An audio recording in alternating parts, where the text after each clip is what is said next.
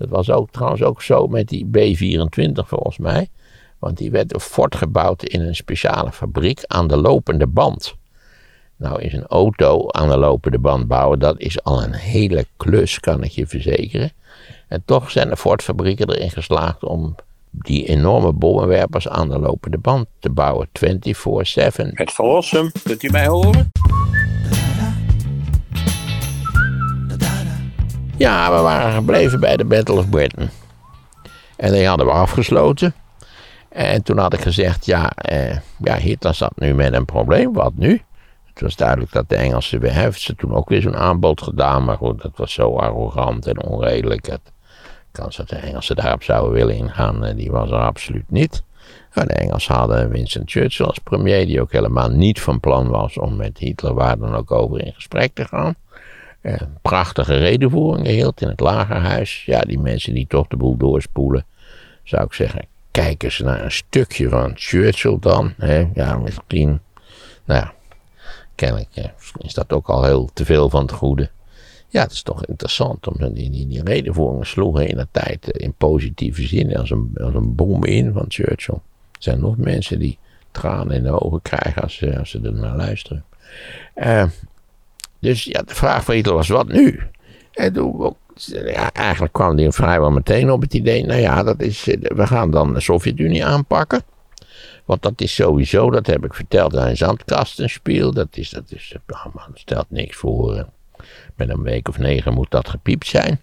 Want wat hebben we gezien in die Russisch-Finse oorlog? Dat dat rode legerwerk tot helemaal niets in staat is. Die waren niet eens in staat om die, die, die Finnen meteen neer te slaan. Uh, en er, wordt dan ook in die, in die zomermaanden al begonnen met planning voor een eventuele aanval op de Sovjet-Unie. Maar het besluit om die aanval op inderdaad uit te voeren, dat is, heeft Hitler pas in december van dat jaar 1940 genomen. Maar voordat we dat nu gaan aanpakken, dat is operatie Barbarossa. Eh, en, en daar ligt denk ik ook wel het antwoord op de vraag: hadden ze kunnen winnen? Ja, dan nee. Dat is een hele lastige vraag om te beantwoorden. Maar goed, er zitten enorm veel ifs zitten daarin als dan. Oké, maar we gaan het toch wel. We zullen een, een soort poging in, in het werk stellen. Bovendien zullen we ook in hetzelfde jaar 41 op een interessant punt komen waar je kunt zeggen. Was één ding zeker, ze konden de oorlog niet meer winnen. En dat betekende eigenlijk in Hitlers geval, als hij de oorlog niet meer kon winnen, dan had hij de oorlog eigenlijk verloren. Het was een revancheoorlog, dus hij, hij moest hem winnen om. Ja, als je, als je niet wil dat je, dat je Audi volledig doorweekt raakt, dan moet je ze even. Het is wel, ja, voor de vakantieganger. Ja, je, je zit toch, toch in zo'n bungalow tent ergens zitten op zo'n terreintje. Wat niet erg waterzeker is. Hè, waar grote plassen blijven staan. Wat moet dat verschrikkelijk zijn? En, en dat je dan, dan krijg je natuurlijk ook herrie in de tent in de meest letterlijke zin van het woord. Van, ik, dat, dat de kinderen ook zeggen, laten we maar naar huis gaan. Wat verschrikkelijk moet dat zijn. Maar ja, als je even bij dat is wel natuurlijk dat je tegenwoordig op buienradar kunt kijken. Dat is toch iets wonderbaarlijks. Maar goed, hè, want meestal klopt het wel. En enkel maal klopt het overigens niet. Laatst ben ik gaan wandelen, terwijl ik had gekeken, dat was zo'n heel dun blauw streepje. Dus ik nou, dat met een paraplu en een regenjas is dat uh, goed. Nou, het leek wel een gordijn van water. Het was ongelooflijk, werkelijk. Ben je toen onder een boom gaan staan? Ja, ben onder, ik weet een hele leuke boom in het, ik ga niet verklappen waar in het park, want dan voor je het weet staan er 16 mensen onder te schuilen. Ja, die, heeft door, die is een soort verdieping in de stam waar je als het ware als persoon, zelfs ik als persoon, uh, gedeeltelijk in kunt verdwijnen. En dan hou je dat, dat die paraplu als afdakje boven. Nou ja. Oh, wat is een speciale boom dan? Ja, dat is een hele, hele bijzondere boom. Maar goed, het, ik geef daar verder geen rugbaarheid aan. Okay. Het staat ook niet op de Wikipedia, moet ik de mensen teleurstellen, mededelen. Ik zou het nu maar wel leuk vinden als er dus een Wikipedia komt over die boom. Want dat zou kunnen. Mensen kunnen dat gaan schrijven. Alles, alles, is mogelijk op de Wikipedia. Ja, er staan ook wel eens dingen op die Wikipedia dat je denkt, nou ja, moet dat nou? Hè? Vooral over popular culture wordt vaak wel heel langdurig en gedetailleerd uitgepakt. Ja. Maar goed, dit, dit terzijde. Nog eventjes één kort. Ik vond op jouw Wikipedia wel grappig dat dus dat, dat hele vaccinatiegedoe, dat staat dat dus ook op. En dan staat dus dat dat in de volksmond een Van Rossempje doen is gaan heten. Dat staat ja, dus op die ja, dat had ik alles gelezen. Ja, doe een Van Rossempje, dat is wat je doen moet. Je, je slaagt er niet in om een afspraak te maken. Dan moet je dus niet bij de pakken neer gaan zitten. moet je nog drie keer bellen. Ja, dat is inderdaad, dat heb ik ook gedaan. Maar dat is, dacht ik, bij overheidsinstanties tegenwoordig de meest normale procedure, toch? Ja. Dat je eindeloos blijft hangen. Maar ik moest wel lachen dat dat dus daar staat als een Van Rossempje doen. Dus nou ja. Ja, nee, dat telefo telefoneren met instanties is een van de verschrikkelijkste dingen die de moderne mens moet doen. Mm. Want dan wordt natuurlijk altijd gesuggereerd dat je daar gewoon kunt bellen. Je weet precies hoe dit afloopt. Hè? U bent de zeventiende in de wachterij. Wij doen alle denkbare moeite om, nou ja, eerst dacht ik nog, dat is allemaal verzonnen, flauwekul. Ik bel gewoon op een heel gek moment, dinsdag, eh, kwart voor vijf. Dan, eh, altijd hetzelfde liedje. Op welk moment je ook belt, dan, je bent altijd de 17 in de wachtrij. en nog triester is dat soms, ik, ik ken de nummers. Bijvoorbeeld bij cardiologie uh, UMC. En dan namen ze de telefoon meteen op. Echt ongelooflijk. Een directe nummer heb je dan? Ja, ongelooflijk. Maar ik belde ik laatst. En, en ook was ik ook weer de, de zevende in de wachtrij of zo. Ik denk, oh jee. Nou ja, misschien vakantie of zo. Ik, dat weet ik niet. Maar... En dan ben je diep teleurgesteld. Nou, had je een nummer? Hè? Waar je normaal door een levende persoon te woord gesteld uh, uh, werd. En, en dan krijg je dit. Ik begrijp ook totaal niet waarom al die instanties deze, deze wantoestand eindeloos laten voortetteren. Hè? Ik heb al eerder het voorbeeld gegeven toch van mijn bank. Die kon je vroeger gewoon bellen. Ik kreeg altijd dezelfde mevrouw. Ja. Hele aardige mevrouw. Dag mevrouw. Wie weet luistert ze wel. Eh, maar ja, dat is, dat is allemaal niet meer. Want de banken hebben callcentra. Nou ja, dan hoef je eigenlijk helemaal niet meer te bellen. Gewoon niet doen. Nou, regiobank is volgens mij speciaal voor de ouderen. Misschien moet je daar eens aankloppen. Is geen reclame overigens dit, maar dit, dat zie ik zoals laatst in Zeeland. En dan zie je dus overal nog, zeg wat, veel banklokalen. De regiobank heeft dus echt nog lokale kantoortjes overal. Ja, dat is nog wat anders. Ik heb regelmatig gesproken in het verleden voor de Rabobank. En op zoek te hebben van die vergaderingen, van, van zo'n soort van vereniging achter een structuur. Coöperatieve structuur. En op al die vergaderingen, tot mijn lichte verbazing, werd er altijd door oudere personen geklaagd. Die woonden dan in noemen ze een dorp. Zundert. Ja, zoiets. Aarle, Rikstel, weet ik veel waar. en er was dan het, uh, of was aangekondigd dat het Rabokantoor dichtging, of het was ook al dichtgegaan. Als je dan niet meer auto kon rijden bijvoorbeeld, of je beschikte toevallig niet over een auto, was je aangewezen op een busdienst die één keer per twee uur Aarle-Rikstel aandeed, voor om naar het aanpalende stadje te gaan, waar dan nog misschien een bankvestiging was. En daar werd over geklaagd. En ik vond dat volkomen terecht. Die Rabobank die miljarden winst maakte. Waarom zou je niet een eenmanskantoortje in Aarle-Rikstel kunnen openen? Wat bijvoorbeeld maandag van 9 tot 12 en dan nog twee momenten in de week. Dat is al ruim voldoende natuurlijk voor beperkt aanbod. Maar nee, dat werd allemaal weggestaneerd. Wat een achterlijk asociaal beleid. Voordat we weer hele boze mensen krijgen die zeggen, wat, wat wijken jullie veel af. Nou ja, dat, overigens zijn ook heel veel mensen die dat leuk vinden hoor. Dus moeten erbij zeggen. Ah, ja, God, het is uh, vervelend. Maar dit is een karakterzwakte waar ik al heel erg lang aan leid. En bovendien maak jij het erger dan het is. ja, Voortdurend al over Haarle Rikstel te beginnen. Sorry. Waar waren we gebleven? Uh... Bij, bij het feit dat Hitler besloten had om de Sovjet-Unie aan te vallen. Maar dat ik vervolgens had gezegd, we moeten voordat we zover zijn, moeten we nog een aantal andere interessante vraagstukken bespreken. En die zal ik vast aankondigen. Dan weten de mensen ook waar kant, kant het op gaat. En dat is natuurlijk de kwestie van de coderingsmachines. Die een niet onbelangrijke rol hebben gespeeld in de Tweede Wereldoorlog. Eh, omdat eh, men geprobeerd werd natuurlijk om die dingen, te, die berichten te ontcijferen. Die gecodeerde berichten te ontcijferen. En dat is eh, de strategische bombardementen. hebben die nou wel nut gehad of hebben die nou geen nut gehad? En dat is de slag om de Atlantische Oceaan, waar in het algemeen weinig aandacht aan wordt besteed, maar die toch een hele essentiële rol heeft gespeeld omdat Engeland volledig afhankelijk, nou dat is onzin om te zeggen, maar voor een deel afhankelijk was van aanvoer van voedsel en andere grondstoffen uit de Verenigde Staten. Dus laten we eerst maar met die coderingsdingzaak beginnen.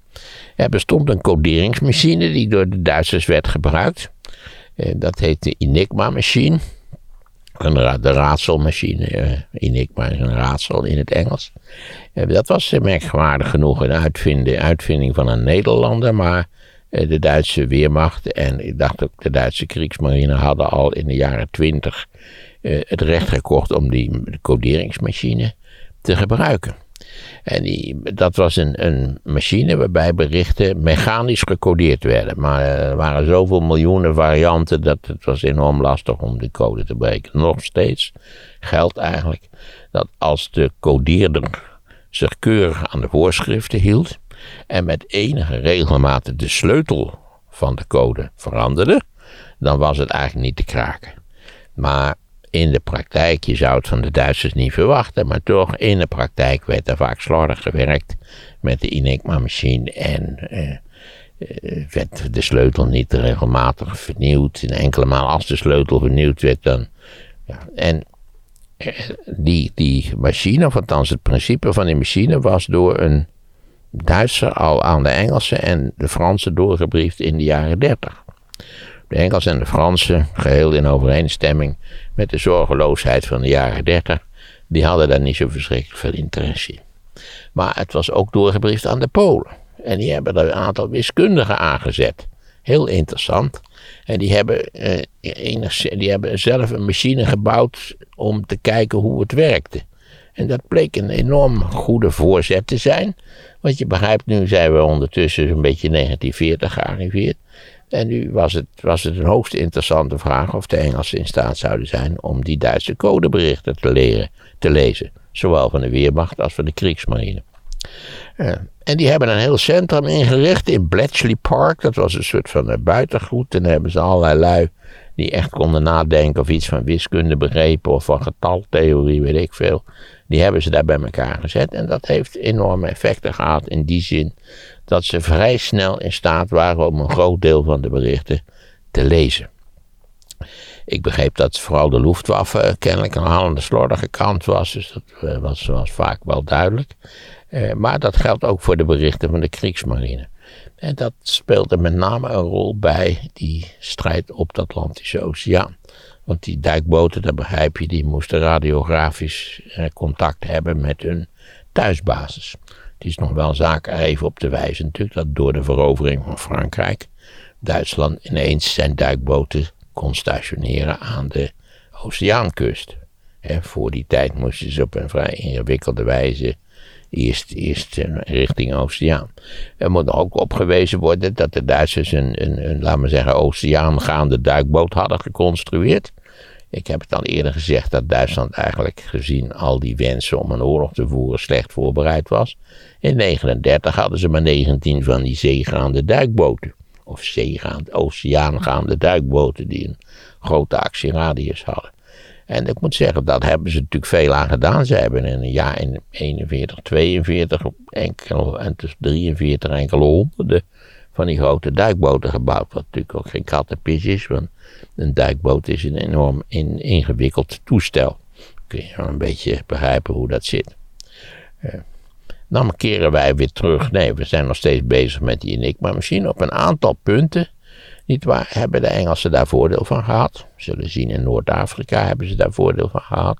En ze wisten vaak, ja, wanneer bijvoorbeeld grote aanvallen zouden worden uitgevoerd. En ze wisten wat die duikboten uitspookten op de Atlantische Oceaan. Nu keren we terug naar de Atlantische Oceaan. Keren we terug, ik geloof dat we er nog niet waren. Maar goed, we gaan naar de Atlantische Oceaan.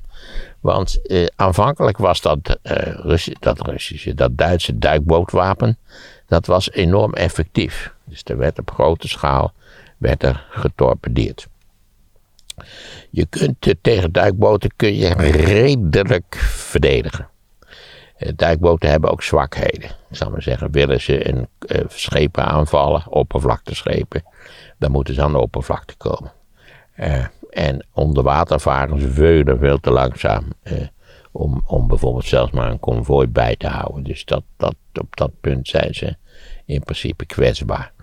Um, ja, door convoyeren kun je schepen vrij redelijk beschermen. Dus dan ga je in groepen en dan moet je, word je beschermd door een aantal oorlogsschepen die rond het konvooi varen. Maar dat neemt niet weg dat zeker in, in bijvoorbeeld in 42 echt het er dramatisch uitzag. Dat er miljoenen tonnen werden getorpedeerd. En dat men echt dacht, als dit zo doorgaat, als we niet een, een of andere manier een methode vinden om dit, dit serieus aan te pakken, dan, uh, dan is dat, uh, staan we er beroerd voor. En daar komt nog bij dat de Amerikanen eigenlijk dat gebeurbaar van dat gevaar van die duikboten enorm onderschatten. Dus hun hele kust was gezellig en hel verlicht. Alsof het helemaal geen oorlog was. Wat natuurlijk in 40 ook nog niet het geval was. En 41 dan natuurlijk weer wel tenslotte, althans na 7, uh, de komen we spreken, 7 december. Uh, en dat betekent dat schepen die bij die kust voeren, nietwaar, die hebben dan een, tegen die verlichte achtergrond een zwart uh, silhouet. Dus daar werd aan een lopende band getorpedeerd. Uh, ja. En wat er eigenlijk nodig was, was totale verduistering aan die, in die Amerikaanse kustzone. Waar ze, neem ik aan, later wel toe hebben besloten. Maar goed, er waren dus factoren die het probleem nog erger maakten. Een van de problemen was dat de meest effectieve duikbootbestrijding, dat ging per vliegtuig. Die vliegtuigen waren uitgerust met speciale soorten van radar en, en speciale dieptebommen. Nou ja, eh, als ze er een opspoorden, was de kans dat hij het overleefde niet zo verschrikkelijk groot. Maar aanvankelijk hadden ze geen vliegtuigen met een zodanige actieradius dat ze de hele Atlantische Oceaan konden bestrijken. Ja, de, de kijkers zien het niet, maar ik maak nu een heel leuk gebaar. Niet waar, waarbij ik de hele Atlantische Oceaan even met de vinger aanwijs. Uh, en dat leidde tot het bestaan van de zogenaamde Atlantic Gap. Dat was een, een, strook van een kilometer of 600, waar die, vlieg tot, die vliegtuigen konden niet zo ver komen. Dus die, die Duitsers hadden eigenlijk een relatief rustig gebied, waarbij ze konden, niet waar die verschillen, want ze opereerden vaak in groepen, die duikboten, een soort van wolfpacks heette dat geloof ik, nou niet in het Duits natuurlijk, maar goed. Uh, maar daar waren ze in principe veilig. En die situatie verandert in 43. Want dan komen er eh, lange afstandsbommenwerpers ter beschikking. B-24 Liberators. En die eh, hadden een veel grotere actieradius. En eigenlijk vanaf dat moment gaat het enorm slecht met de Duitse duikboten. Geloof dat in 43 al meer duikboten zinken dan ze zelf getorpedeerd hadden. Dat was punt 1. En dan, dat, de, die duikboten hebben, die, die campagne heeft zich eigenlijk nooit meer hersteld van het feit dat ze zo ontzettend kwetsbaar waren geworden. Bij mijn weet is het zo dat duikbootwapen, om het even zo te zeggen, dat is, daar had de, de, hadden de bemanningen, of laten we zeggen de, de soldaten als je ze zo wil noemen, of de matrozen, de geringste overlevingskans van alle gevechtsonderdelen van het Duitse leger. Dus de kans dat je om het leven kwam, die was echt gigantisch groot. Werk op een duikboot was in feite een soort, uh, nou ja, een soort verklaring dat je het niet ging overleven, die, uh, die oorlog. Daar kwam nog bij natuurlijk dat op een goed moment de Amerikanen zo ongelooflijk veel schepen bouwden in de Tweede Wereldoorlog.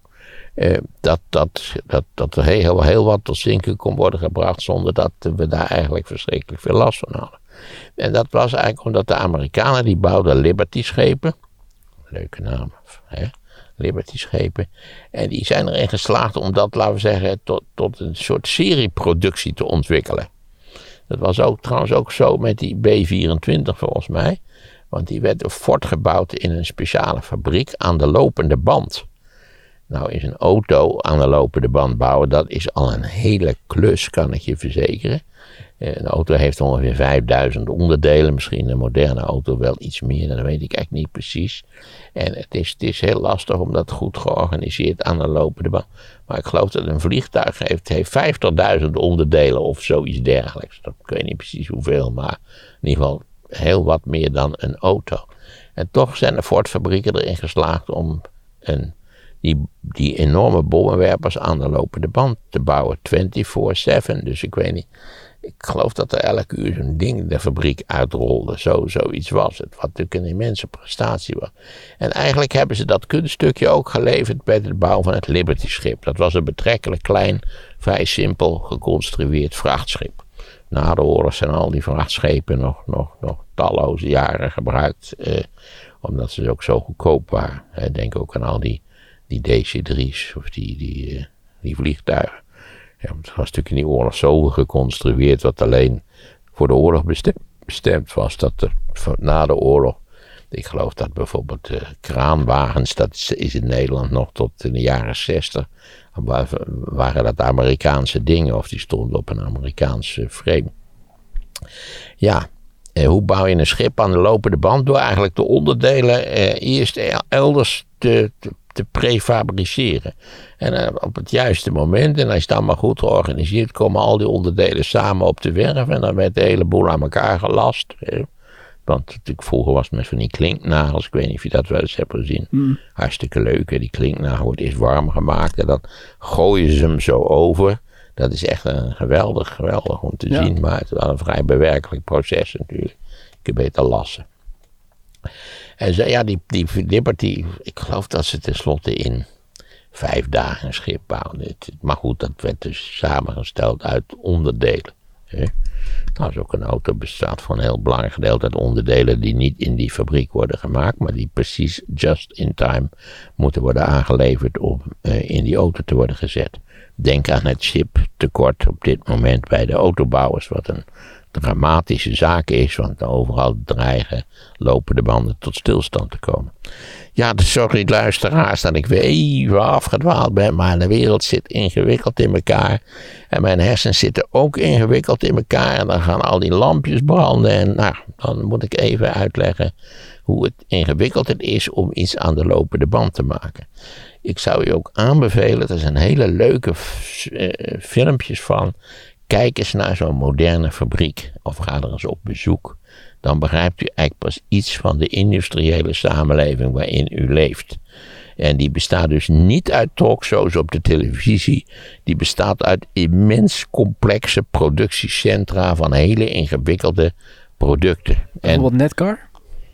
Ja, nou ik moet zeggen, daar hebben wij vanwege het tijdschrift Maarten hebben wij gevraagd of we daar een rondleiding en een uitleg konden krijgen.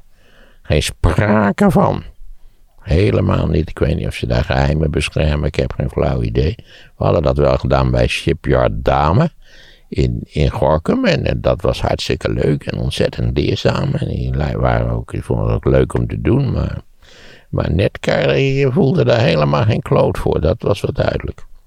Ik weet niet vanwege misschien mijn anti-Limburgse propaganda. Ja, dat doen, dat, daar wordt ook wel eens met drugs gehandeld hè, in, die, in die grote hallen. Dat, oh ja? Ja, ja. Moet je maar eens op zoeken. Dat is een tijdje geleden in het nieuws geweest. Dat daar dus die mensen die daar aan die band staan, dat die daar ook met drugs en dergelijke deden. Ik weet niet of dat nog steeds ah. speelt, maar dat, Laat ik zo zeggen, daar zijn wel... In principe moet het zo, zo georganiseerd zijn dat je daar niet alle vrije tijd van de wereld hebt. Nee, maar zij moesten toen in een hele korte tijd heel veel mensen aannemen, omdat ze toen uh, die productie kregen vanuit Duitsland, vanuit BMW. Wat ja, die gaat nu weer weg. Dus Precies, dat, uh, ja. nou, dat houdt dan vanzelf op. Maar het, ja, het, sowieso is het nuttig om eens te kijken naar de, laten we zeggen, de wetenschappelijke en industriële kant van onze samenleving. Want we lullen de hele dag over dingen die totaal onbelangrijk zijn op die televisie maar we hebben het in feite niet over de, de kern van de aard van ons type van samenleving. Een leuk tv-programma. Ja, dat zou het zeker. Daar zou je iets, iets moois van kunnen maken, naar mijn idee. Zal ik het raampje weer openen? Dat ja, dat kan wel weer openen. Maar hoe? Overigens, deze keer hebben we geen katten. Ook. Nee, de kat Kees, die hier geloof ik uh, iets verderop woont, die is enkele dagen, ja, die, dat is zo'n ondernemend dier. Je hebt gezien dat hij bij ons uh, eigenlijk de auto binnen was gaan aan het klimmen was. Uh, ja, jij bleek bang voor katten te zijn, maar Kees verder een best beest, maar ongelooflijk jong en nieuwsgierig. Dus ja, hij had, was in een van die huizen binnengelopen en die mensen waren bij vakantie gegaan, hadden niet gemerkt dat hij daar zat. Dus hij is enkele dagen zoek geweest. Maar ja, je hebt hier een straatapp en zodoende Kees bleek gewoon ergens voor het raam te zitten en naar buiten te roepen dat hij wel dat hij opgesloten ja, was. Er was wel nog de vraag of er een foto is van Kees. Veel mensen wilden Kees wel even zien. Ja, Kees een prachtige kat. Ik, heb, ik kan niet anders zeggen. Een prachtige kat. Hele mooie ogen. Maak ik hier een foto van hem. Ja, ik heb geen foto van hem, maar goed, ik, ik zal proberen om Kees te verleiden tot een, tot een fotografie-sessie. Dat zal ik proberen. Ja, we zitten nog steeds op die oceaan. Nu weten we eigenlijk zo'n beetje 42 was het absolute dieptepunt. Eh, waarbij het echt, eh, nou ja, want het is natuurlijk een soort omslagpunt waarbij je Waarbij er meer verloren gaat dan in principe bijkomt. Maar 43, dat, dan verandert eigenlijk de situatie vrij fundamenteel. En er worden echt, echt gigantische hoeveelheden Duitse duikboten tot zinken gebracht. En worden ze ook teruggeroepen van, en vragen ze af, wat moeten we daar precies aan doen? Op de lange termijn bleek daar eigenlijk niets aan te doen te zijn. Daar kwam het in grote trekken op neer. Nou, wat was het volgende probleem wat we aan de orde wouden stellen? Dat waren die, die, die bombardementen, niet waar? Die strategische bombardementen. En de vraag, eh, was dat nou moreel verantwoord? Had het überhaupt militair gesproken enige zin? Want wat was het probleem? Dat er in het interbellum uitgebreid geschreven was over dat de bommenwerper die zou beslissend zijn in de, in de volgende oorlog. En de bommenwerper was onkwetsbaar en die kon alles met een enorme precisie, kon die van alles en nog wat raken. Al die fabrieken, zal ik maar zeggen, waar we het even over hadden. Dus eh, de, de, de, nieuwe oorlog die zou heel snel beslist worden door floten van, van uh, bommenwerpers. Nou ja, uh, de enigen die daar werk van hadden gemaakt waren de Engelsen en de Amerikanen. Die hadden, hadden bommenwerpers ontworpen voor dat type van werk. Denk aan de B-17, het vliegende fort van de Amerikanen. Een werk gigantisch ding. Later nog veel groter de B-29 en dan krijg je de B-52 goed, dat kunnen mensen ook allemaal even in de Wikipedia opzoeken, hoe dat precies in elkaar zit. Wordt keurig beschreven allemaal. Heel uitgebreid trouwens, als u het interesseert. Er is ook een prachtig vliegtuigmuseum in Engeland, eh, waar u ook heen kunt. Er staat een hele complete B-52. Als je binnenloopt, loop je tegen de cockpit aan eigenlijk. En dan denk je, zou het ding er helemaal staan? Ja, je kom je helemaal aan links, helemaal naar rechts. Je hebt je de tipjes, de tipjes van de vleugel. Maar goed, dat is wel post Tweede Wereldoorlog. Dat, dat dan weer wel. Ja, al heel snel bleek eigenlijk dat die bommenwerpers dat die, A, ontzettend kwetsbaar waren als ze overdag bombardeerden. Je kon ze als, zieke vogels uit de lucht schieten, bij wijze van spreken. Dat niet alleen, maar bovendien hadden ze de grootste moeite om iets te raken. Ze bombardeerden wel, maar vaak zo onnauwkeurig dat de Duitsers zich afvroegen, waarom, waarom is hij eigenlijk precies, wat zou hij eigenlijk beoogd hebben? En de Duitsers waren natuurlijk zelf begonnen met bombardementen op Engeland tijdens de Blitz. Die 40.000 Engelsen het leven heeft gekost, maar strategisch eigenlijk volledig geen enkele betekenis had. Uh, dus de vraag was nu, als ze zo kwetsbaar zijn overdag, als ze feitelijk niks behoorlijk kunnen, als ze een, een, een doel een, een enkel doel niet behoorlijk kunnen raken, wat, wat, wat doen? Wat gaan we dan doen met die dingen? hoe gaan we bombarderen? En de enige oplossing die er was, en dat is ook tenslotte de oplossing die gekozen is, is dat het enige doel wat ze wel redelijk konden raken waren stadscentra. Dus dat is zo'n ontzettend groot doel, dat, dat kun je nog wel vinden met, met een beetje kaart enzovoort. Waarbij die bommen natuurlijk in principe min of meer ordeloos naar beneden vielen. En ook niet gericht op specifieke doelen waren. Maar stadscentra, die kon je bombarderen. En dat is, dat is, laten we zeggen, area bombing heet dat. Tapijtbombardement, om het maar even zo te noemen in een, denk ik, de Nederlandse vertaling. Holland riooltechniek passeert ons. Die is al tijdenlang in de straat. Dan moet ergens wel iets grondig mis zijn. Um, ja, en dat is wat ze gedaan hebben in feite, area bombing. En daar is achteraf natuurlijk enorm bezwaar tegen gemaakt. Want je begrijpt wie hier voornamelijk de, pineut waren, namelijk de burgerbevolking natuurlijk. de klassieke voorbeelden van een Hamburg. Ik denk ook in 1943, daar waar een firestorm eh.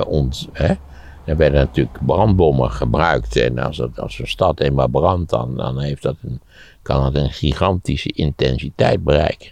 Daar zijn toen 40.000 mensen bij om het leven gekomen. Dus had je er eigenlijk iets aan? Je kon wel veel kapot maken, namelijk die, die stadscentra.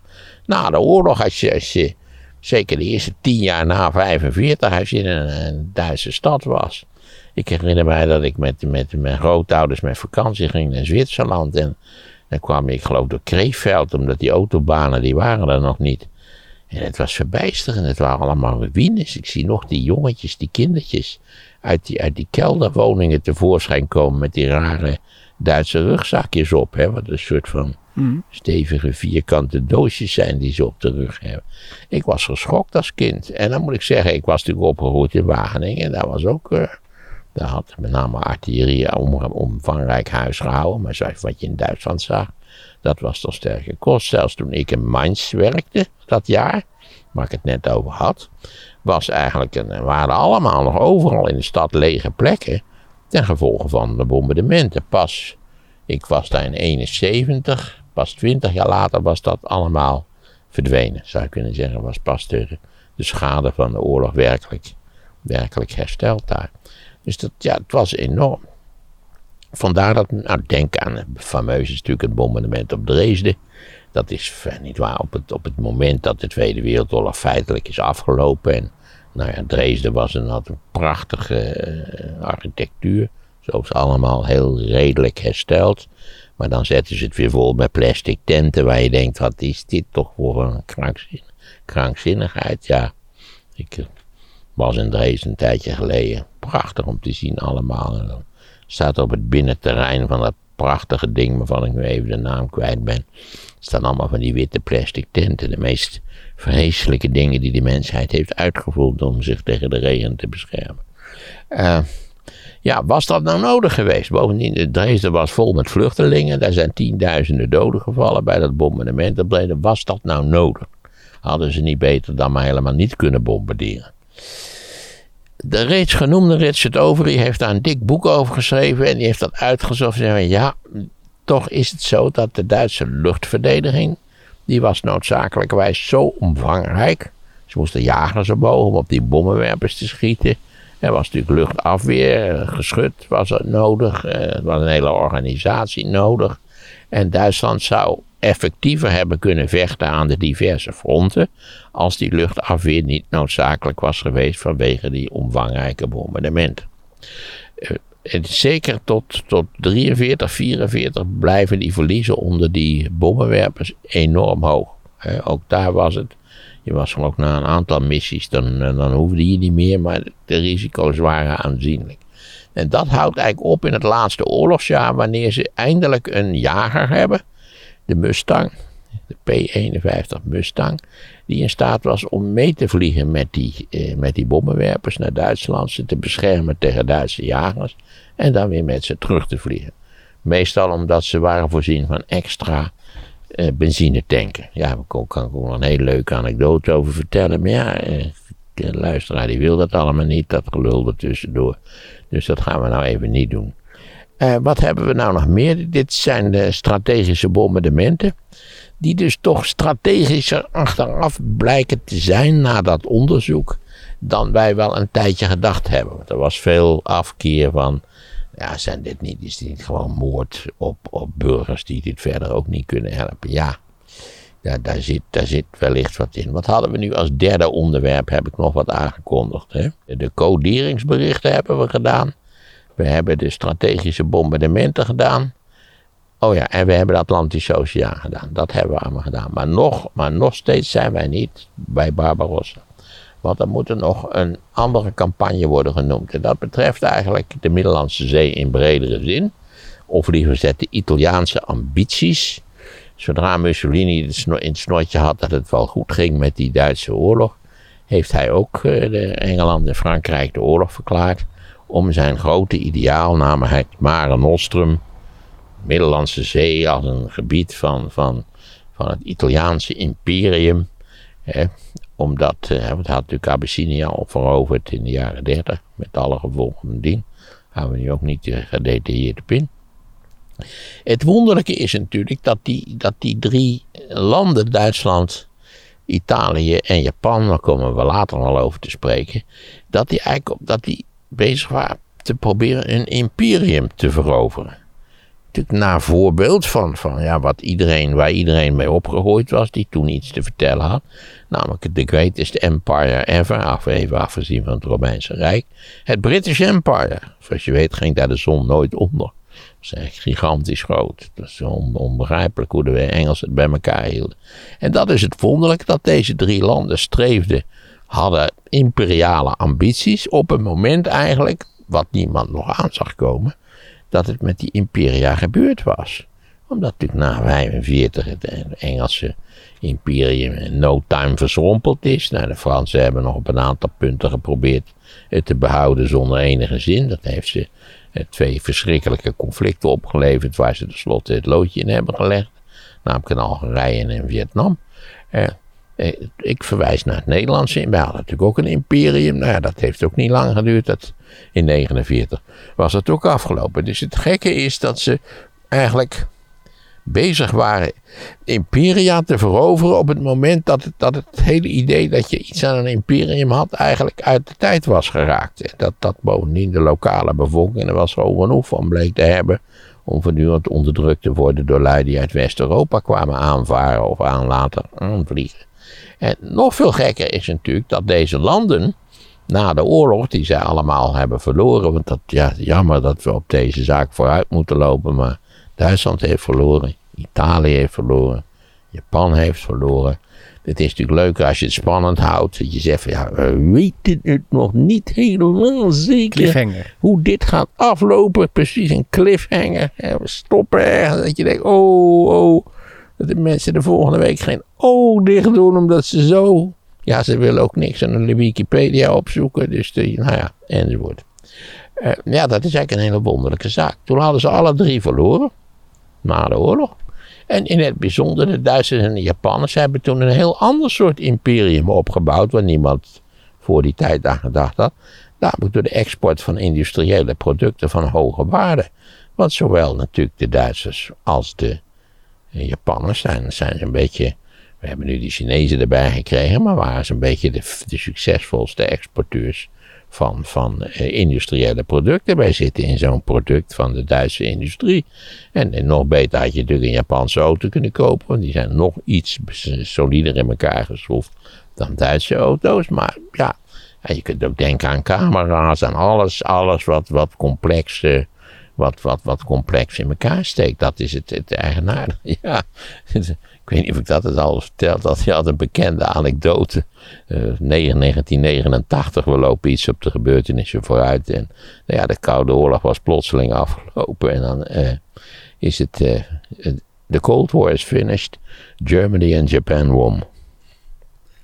Ja, en als exportlanden, hè, ze waren enorm. Het hele herstel na de oorlog is uniek succesvol geweest. En zowel de Japanse als de Duitse industrie was in staat om zeer hoogwaardige producten te leveren die iedereen dolgraag wilde hebben. vooral omdat met name Amerikaanse producten niet altijd even hoogwaardig bleken te zijn. Ik zwijg nog van, eh, van Engelse industriële producten. Ja, sorry dat we even een beetje, een beetje weer Amerikaanse auto's zaten vaak enorm slordig in elkaar. En ik zei, laten we even terugdenken voor de ouderen onder ons. Een Engelse motorfiets. Vroeger was iedereen op een Engelse motorfiets. Een Matchless of een, een Norton. Wat had je allemaal niet op dat terrein.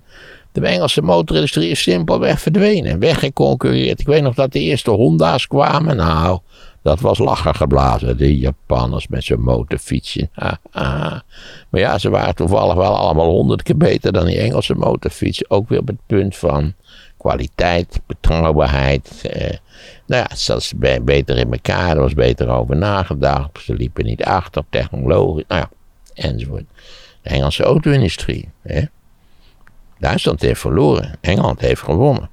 Maar de Duitse auto-industrie is, is een van de meest dominante pijlers van de Duitse economie. En van de Europese economie, zo je wil. En de Engelse auto-industrie, die bestaat niet meer. Ja, er zijn er wel wat fabrieken, maar dat zijn meestal fabrieken die in bezit van buitenlandse bezitters zijn. En Nissan en, en, en BMW bijvoorbeeld hebben, hebben fabrieken in, in Engeland, maar daar, dat is niet Engels. Alle Formule 1 auto's worden in Engeland gebouwd. Dus die niche-industrie niche-industrie, die, die is er wel. Maar ja, wie koopt er nou een Formule 1 auto? Hè? Nou, Max. Nou, die heeft dat niet gekocht. Die, die mag erin rijden. Dat is die, die meneer die, eh, die, die, die blikjes produceert. Die, Red Bull. Ja. Red Bull, die eh, heeft hem een, een, een plaats aangeboden. Ja, hij, ze mogen wel maar drie keer per seizoen eh, van motor wisselen. Hè? En hij begint nu aan zijn laatste motor al. Max. Oh jeetje. Dat zal binnenkort weer bijtrappen worden. Ja. Nou, we, we, we, wachten even af. Ja, we zijn er ook absoluut zeker van in Nederland dat hij wereldkampioen wordt. Uh, hij staat nu wel achter. Ja, ik volg dat uh, nogmaals. Ik heb me ooit geïnteresseerd voor de Formule 1, maar dat is lang voorbij. Lang geleden. Nou, Annemieke van Vleuten heeft wel gewonnen, hè? Oh ja? Ja. Wat heeft ze nu gewonnen dan? Nou, San Sebastian en in Noorwegen ook nog. Oh, heeft ze dat gewonnen? Ja. Een hele deftige wedstrijd. Ja. Had ik weer helemaal niet opgemerkt. Je ziet, ik werk veel te hard. Ja, ja dan schiet mijn boekje niet op, joh. Dat is verschrikkelijk. Oh, je bent een boek aan het maken weer? Mm Heb ik al meerdere malen verteld, maar voor reclamedoeleinden gaan we het nog een keer doen. Niet hier hoor. Jij nee? Hebt wel, nee, ja, misschien een tijd geleden, maar... Uh... Ja, ik was uh, van plan een boekje te schrijven over de eerste twintig jaar van de nieuwe eeuw. Oh ja, dat heb je verteld, ja. ja. Een tijdje 20, 2020, dat is ook een leuk, leuk jaartal en zo, dat heb ik verteld, toch? Nou ja, dan kijk je dus naar en dan zie je toch ja, dat in allerlei opzichten die 20e eeuw eigenlijk, die 21e eeuw, eigenlijk al ruimschoots begonnen was voordat die begonnen was. Eh, namelijk in de jaren 70 van de vorige eeuw. Dus daar ben ik aan begonnen. En, nou, ik, ik, had gedacht aan een leuk essay van, nou ja, pak een beetje, ik schrijf meestal van die ongeveer 20.000 woorden of zo. Maar het is helemaal ontspoord. Dus ik, ik zit nu ik, ik, ben nu bezig met de interventie in Afghanistan. Nou ja, dat is, we zitten hier in najaar 2001 en ik zit op 27 of 28.000 woorden. Dus je voelt daar wel, er is iets helemaal misgegaan. Dus ik moet enorm hard werken. Uh, en ja, soms is het eh, complexer dan ik gedacht had. Ja, je kunt dat, dat Afghanistan kun je heel kort samenvatten. Ja, dan ben je misschien een half A4'tje bij klaar. Maar als je dus een beetje wil beschrijven wat er eigenlijk gebeurd is en waarom het misgelopen is, dan, dan ben je niet met een half A4'tje klaar. Maar je hebt geen deadline? Nou, ik had een deadline, maar ik heb natuurlijk, eh, verstandig als ik ben, de uitgever al maanden geleden gebeld dat ik die deadline zeker niet ging halen. Nee. Dus ik heb gisteren geworsteld met Afghanistan. Het zit ook ingewikkeld in elkaar. En ik moet zeggen, dat de Wikipedia-stukken over Afghanistan ook niet uitblinken door gestructureerdheid of helderheid. Het is een rommeltje, zoveel is wel duidelijk. Het begin gaat nog wel, maar zeker na 2006, 2007, dan loopt het wel een beetje uit de hand. Dus, eh, dus heb ik, nu, ik heb nu toch gezegd, ik heb reclame gemaakt van in Wikipedia en ik heb nu ook gezegd dat op dit punt zou ik het... Uh, zou Afghanistan kan beter herschreven worden, naar mijn idee. Misschien kunnen ze zich oriënteren op wat ik ervan ga maken. Maar dat kost enorm veel tijd. Hè? Want je denkt, ach, Afghanistan zo gepiept. Nou, en daar ben je dan toch twee, drie dagen bijna mee bezig om daar enige helderheid in te krijgen. Ja, zo schiet het allemaal natuurlijk geen donder op. Maar ja, je vroeg ernaar, dus dan moet ik wel. Hè, dan moet ik moet wel iets over dat boekje vertellen. Want daarom had ik Annemiek van Vleuten jammer genoeg ook gemist. Dat had, een, had kort een gevoel van euforie in mij op kunnen wekken. Jongen, hoe is het mogelijk, nietwaar? Dat iemand die ook in de epidemiologie is afgestudeerd, ook nog deze race in San Sebastian heeft gewonnen.